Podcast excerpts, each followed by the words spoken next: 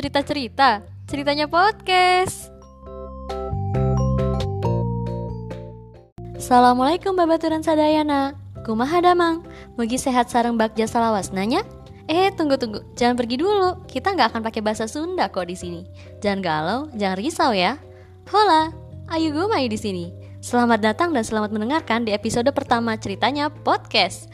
Tapi karena cuma ceritanya, hmm, apakah ini benar-benar podcast? Bisa iya, bisa enggak juga sih. Nah, di episode pertama ini, aku nggak bakal ngoceh-ngoceh sendirian. Aku bakal bersama dengan seseorang nih di sini. Aku sapa dulu ya. Halo kak. Halo Gumai. Apa kabar? Uh, aku kabarnya alhamdulillah Eh, nggak uh, stres sih ya kan kita berpejejeria nih gitu iya iya kalau Kak Fikri bagaimana nih kabarnya Alhamdulillah luar biasa kabarnya nih uh, di rumah aja justru makin banyak hal yang bisa dikerjain hmm. tapi banyak hal juga yang dipikirin pokoknya nantilah Waduh. mau unik ya wah makin di rumah makin kepikiran ya Iya, makin hmm. pikiran karena jarang ketemu kali ya, jadi di pikiran doang. Oh, apa tuh yang jarang ketemu? Iya. Itulah biasa. Uh, piaraan piaraan bukan yang lain. Oh, kirain mau yeah. dimention kayak ad gitu kan, Enggak. biasanya pakai ad terus kosong. Yeah. Itu beda lah. Oke. Oke, okay. kita bisa kenalan dulu kali ya Kak Fikri ya. Coba kenalan dulu nih Kak Fikri itu siapa sih? Oke, halo assalamualaikum guys. Kenalin uh, nama gue Fikri, mahasiswa FISIP angkatan 2016. Doakan ya, semoga lulus tahun depan. Hehehe. Amin, ya alamin. Wah, pastinya dong didoain dengan para listeners ya gaya banget deh bahasa gue nih. Amin. Listeners, amin. listeners. Oke. Okay. Semoga lulus jangan memuaskan ya kak ya. Amin biar puas semua puas puas iya. Oke, tanpa berlama-lama lagi, langsung aja kita masuk ke pertanyaan yang pertama nih kak. Ya. Wow, apa tuh? Oke, mau nanya nih, mau nanya sama Kafik nih. Menurut boleh, Kafik boleh. tuh konsep bahagia tuh apa sih? Bahagia ya. Bahagia tuh uh, setiap orang beda-beda yang pasti ya kemudian ukurannya banyak gitu. Tapi ya kalau dalam diri saya pribadi, kalau yang namanya bahagia itu sesimpel kita bertemu dengan orang yang kita sayangi dalam tanda kutip. Orang yang kita eh, apa ya, dekat gitu. Di mana dalam pertemuan itu kita bisa share dan kita bisa minta dia untuk mendengarkan, minta dia memberikan nasihat kayak gitu. Nah, itu uh, bahagia uh, menurut saya kayak gitu. Di semua apa namanya ya, di semua lini seperti itu gitu. Mau di organisasi, mau di keluarga, mau di mana pun. Pokoknya pertemuan itu yang membuat bahagia gitu. Ya istilahnya bisa ngobrol bareng lah. Kalau misalnya pun ada masalah kita obrolin bareng dan seterusnya. Nah, sempil sesimpel itu sih bahagia kalau menurut saya ya. Oke, jadi bahagia versi Kafik itu ketika bisa ketemu orang tersayang dalam tanda kutip gitu ya? Betul, betul Wih. banget. Karena memang gimana ya? E, misalnya gini, kita e, punya banyak hal gitu ya. Misalnya e, ya punya, misalnya punya teman banyak, kemudian punya, pokoknya banyak hal lah uh, resource-resource lain yang kita kita pinter misalnya kayak gitu. Tapi kalau itu buat sendirian gitu ya, atau itu kita manfaatin sendiri, kita habisin sendiri, nah itu kayaknya kurang gitu. Ada feel yang nggak nyampe gitu. Cuma puas diri sendiri tuh nggak bisa. Kalau saya pribadi, ya itu bahagia banget tuh ya ketika ya semuanya bareng gitu. Dari segi apa pun itu semuanya bersama lah kayak gitu. Nah itu baru tuh bahagia maksimal gitu. Tuh diri saya kayak gitu. jadi kayak um, kalau misalkan mendapatkan sesuatu yang menyenangkan harus berbagi dengan yang lain supaya Betul. bahagianya tuh pol gitu ya. Bener bener banget. Oke oke. Nah Terus ada nggak sih momen pertemuan yang paling membahagiakan selama hidup Kak Victor? Momen paling membahagiakan ya. Banyak sih. Uh... Wah, jadi bentar ya. Flashback sebentar. Nah, jadi Oh ini kejadiannya udah lama banget soalnya. Waduh. Ini real life ya, maksudnya memang nyata saya alami gitu. Misalnya dulu ketika di sekolah, bulan saya di SMA 5 Depok ya. Uh, di Depok, Depok tuh di Depok, daerah Sawangan. Memang jauh sih ya, orang mungkin nggak nggak tahu tapi nggak hafal. Ya ketika itu saya dibawa oleh uh, alumni atau uh, mentor saya lah ketika itu jalan-jalan kampus. Kebetulan memang mentor saya itu anak UI kan kayak gitu. Main terus apa yang dibilang? Ya udah kita udah sampai di UI yuk kita foto-foto sesuai dengan kita mau kuliah di mana kayak gitu kan. Semuanya nyari fakultas kan. Saya di FISIP gitu kan. Saya masih ingat banget uh, fotonya. Kalau nggak salah saya masih nyimpen gitu foto itu. Karena sangat berharga. Saya foto di depan uh, tulisan fisik gitu. Masya allah ya. Baru pertama kali tuh kayaknya saya dibawa ke sana. Dan kodarullah ya ini berkat dari doa-doa banyak orang termasuk orang tua. Di tahun 2016 ketika saya lulus sekolah diterima lewat SNMPTN di UI visip lagi tepatnya gitu. Nah itulah e, di mana pertemuan atau agenda e, bersama dengan sahabat, mentor dan semuanya yang paling berkesan. Menjadi momen yang nggak bisa dilupain gitu. Oh, cakep itu ya e, skenario yang ada gitu.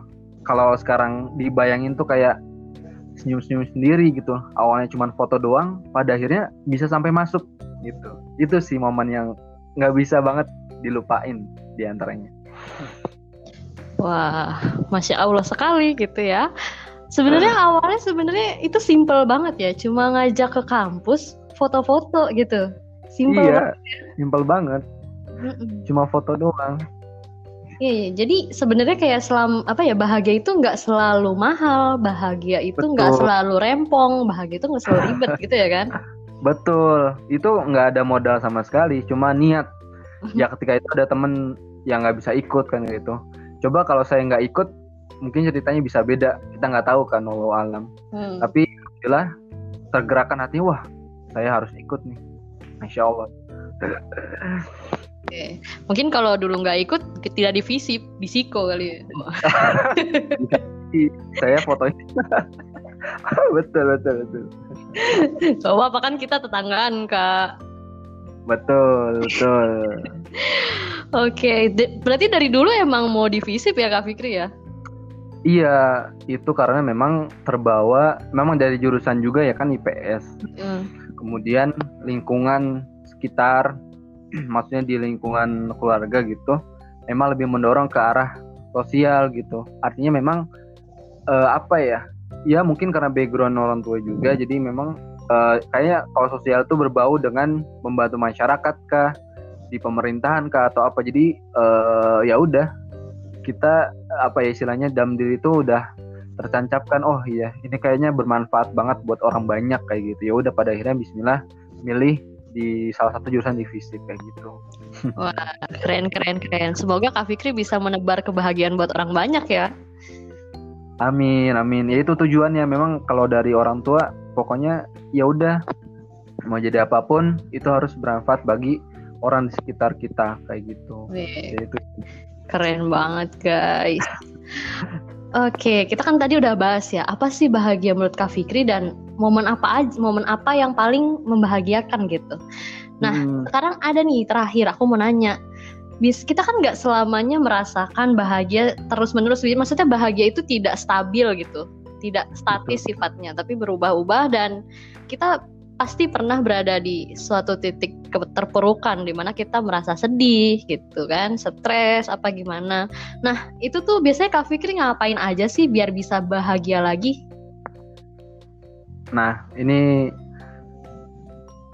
hal yang memang sering banget uh, saya rasain ya. Uh, kondisi di mana butuh support kondisi di mana kayaknya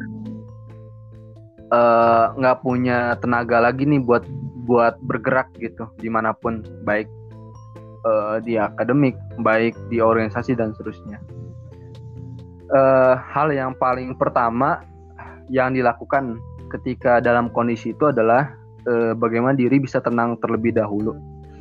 Pasti yang namanya handphone tuh nggak bakalan dipegang dulu dalam beberapa waktu kayak gitu.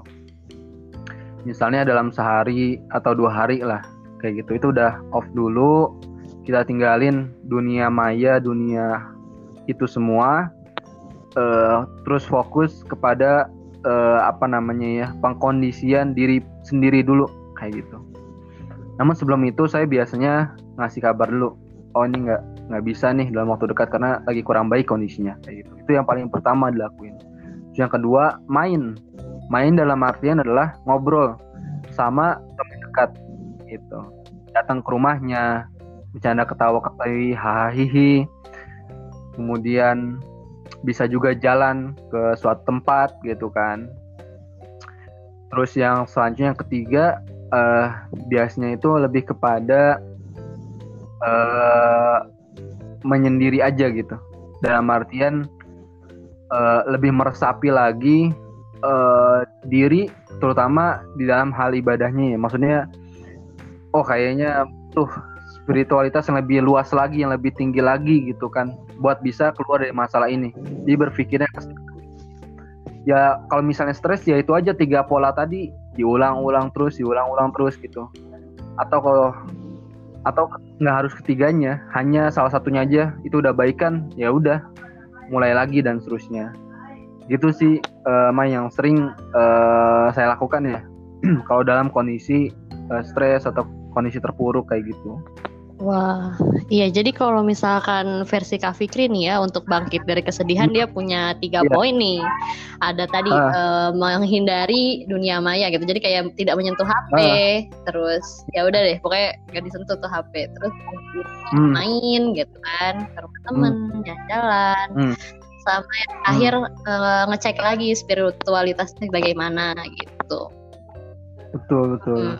Sebenarnya kita bisa lihat di sini bahwa bangkit dari kesedihan orang-orang tuh emang sangat bervariasi ya kak ya.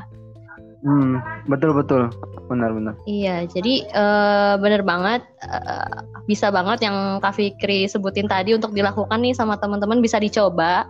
Namun uh, bisa jadi nggak cocok gitu. Jadi emang tiap hmm. orang beda-beda. Ada yang hmm. curhat langsung lega, tapi ada yang perlu ke psikolog dulu nih mesti baru lega. Gitu. Jadi nah, iya. beda-beda banget gitu.